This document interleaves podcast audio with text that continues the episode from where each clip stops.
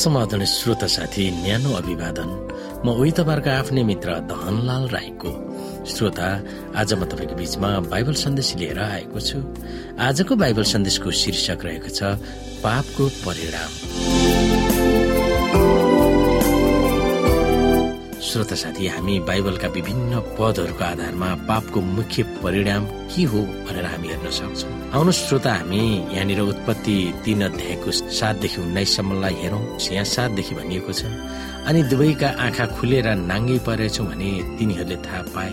अनि अन्जिरका पातहरू गाँसेर आफ्ना निम्ति तिनीहरूले वस्त्र बनाए। अनि साँझ पख परमप्रभु परमेश्वर बगैँचामा डुल्दै हुनुहुँदा तिनीहरूले उहाँको सुर सुनेर मानिस र उनकी पत्नी बगैँचाका रुखहरूका बीचमा परमप्रभु परमेश्वरको नजरबाट लुके। तर परमप्रभु परमेश्वरले मानिसलाई बोलाउनु भयो तिमी कहाँ छौ? उनले भने मैले तपाईँको स्वर बगैँचामा सुने र म डराएँ किनभने म नाङ्गे थिएँ र म लुकेँ। उहाँले सोध्नुभयो तिमी नाङ्गे छौ भनेर कसले भन्यो? जुन रुखको फल नखानु भनी मैले तिमीलाई आज्ञा दिएको थिएँ के तिमीले त्यो खायौ? मानिसले भने जुन स्त्री तपाईँले मलाई मसँगै रहन दिनुभएको थियो त्यसैले मलाई त्यो रुखको फल दि र मैले खाएँ। अनि परमप्रभु परमेश्वरले स्त्रीलाई भन्नुभयो तिमीले यो के गर्यो? स्त्रीले भनिन् सर्पले मलाई छल गर्यो र मैले त्यो खाएँ। तब परमेश्वरले सर्पलाई भन्नुभयो तैँले यसो गरेको हुनाले त सबै पालिने पशुहरू र सबै वन पशुहरू भन्दा ज्यादा श्रापित हुनेछस्। पेटद्वारा त हिँड्नेछस् र तेरो जीवनभरि तैँले माटो खानेछस्। तर स्त्री र तेरो बीचमा र तेरो सन्तान र स्त्रीको सन्तानको बीचमा म दुश्मनी हालिदिनेछु। त्यसले तेरो शिर कुच्याउनेछ र तैँले त्यसको कुर्कुच्चा डस्नेछस् स्त्रीलाई उहाँले भन्नुभयो तिम्रो सुत्केरी वेदना म ज्यादै गरी बढाइदिनेछु। दुःखसँग तिमीले बालक जन्माउनेछौ। तिम्रो इच्छा पतितर्फ नै हुनेछ। त्यसले तिमीलाई अधीनमा राख्नेछ। त्यसपछि आदमलाई उहाँले भन्नुभयो तिमीले तिम्री पत्नीको कुरा सुनेर मैले नखानु भनेको रुखको फल खाएको हुनाले भूमि तिम्रो कारण श्रापित भएको छ। तिम्रो जीवनभरि दुःखसँग त्यसको उब्जनी तिमीले खानेछौ।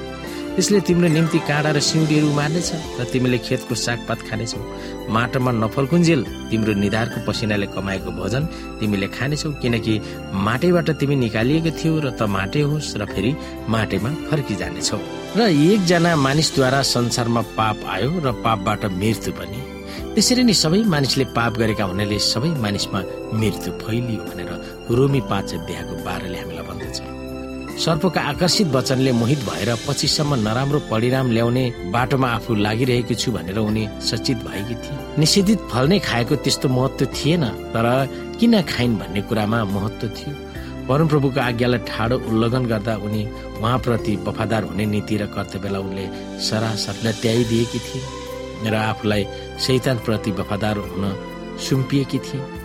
आदम र अब्बाको पतन र त्यसको केही अत्यन्तै दुःखद परिणामहरूको बारेमा उत्पत्ति तिनले वर्णन गर्दछ। ईश्वरीय विज्ञानको अनुसार जब तिनीहरूले निषेधित फल खाए तब तिनीहरूलाई थियोफोबिया अर्थात् परमप्रभु प्रति त्राही त्राही हुन पुगे उहाँबाट लुक्न पुगे। भौतिक दृष्टिकोणले तिनीहरू पसिना नै पसिनाले भिज्ने थियो पीडाहरू सहनु पर्ने भएको थियो र आखिरमा मर्नै पर्ने भएको थियो। पर्यावरण वा प्राकृतिक वातावरणको दृष्टिकोणले प्राकृतिक जगत बिग्रन वा भ्रष्ट हुन गएको थियो। अदनको बगैँचा अब पहिलाको जस्तै सुन्दर आनन्द दिने स्थान हुन गएन। फुल ओइलिएको र पात खसेको देखेपछि पर्यावरणमा खराब हुने पहिला चिन्हहरू तिनीहरूले देखेका थिए। ती प्रकृतिमा मृत्युको घण्टा बजेको देखेर आदम र हब्बा अहिलेका मानिसहरू भन्दा गहिरो शोकमा परेका थिए। कमजोर र कोमल फुलहरू मरेकोले तिनीहरू अफसोस बनाएका थिए। जब सुन्दर रुखहरूबाट पातहरू झर्न थाले त्यसले गर्दा प्रत्येक जीवित वस्तु मर्नुपर्ने कठोर तथ्यको भयानक दृश्य तिनीहरूको दिमागमा चर्किन थालेको थियो।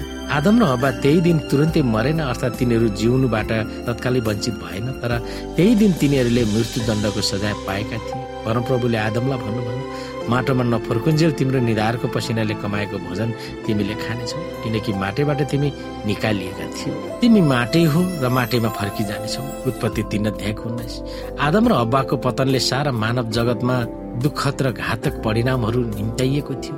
यसबारे प्रेरित पावलले यसरी व्याख्या गर्दछन् एकजना मानिसद्वारा संसारमा पाप आयो र पापबाट मृत्यु। यसरी नै सबै मानिसले पाप गरेका हुनाले सबै मानिसमा मृत्यु फैलियो। रोमी पाँच अध्यायको बाह्र सारा मानव जगत युगौं युगमा दुःखद र पीडादायी भोगेको मात्र होइन। अदनमा के भयो त्यसको परिणाम हामीहरूले के भोगिरहेका छौँ? यसु र क्रुसले गर्दा नयाँ पृथ्वीमा अनन्तको जीवन पाउने आशा हामीले पाएका छौँ जहाँ पाप फेरि उब्जिने छैन भनिएको छ। यो ज्ञान हामीमा भएकोले हामी यीशुप्रति आभारित वा कृतज्ञता हुनु अत्यन्तै जरुरी छ। अन्त्यमा श्रोता जब हब्बाको दुःखदायी अनुभवको बारेमा हामी सोच्दछौँ तब हाम्रो पापकै कारणले हामीले कस्तो परिणामबाट भोग्नु पर्ने रहेछ भन्ने पाठहरू हामी कसरी सिक्न सक्दछौँ त्यो कुरा हामीले सोच्नु पर्दछ। श्रोता साथी आजको लागि बाइबल सन्देश यति नै। हस्त नमस्ते। जय मसिंह।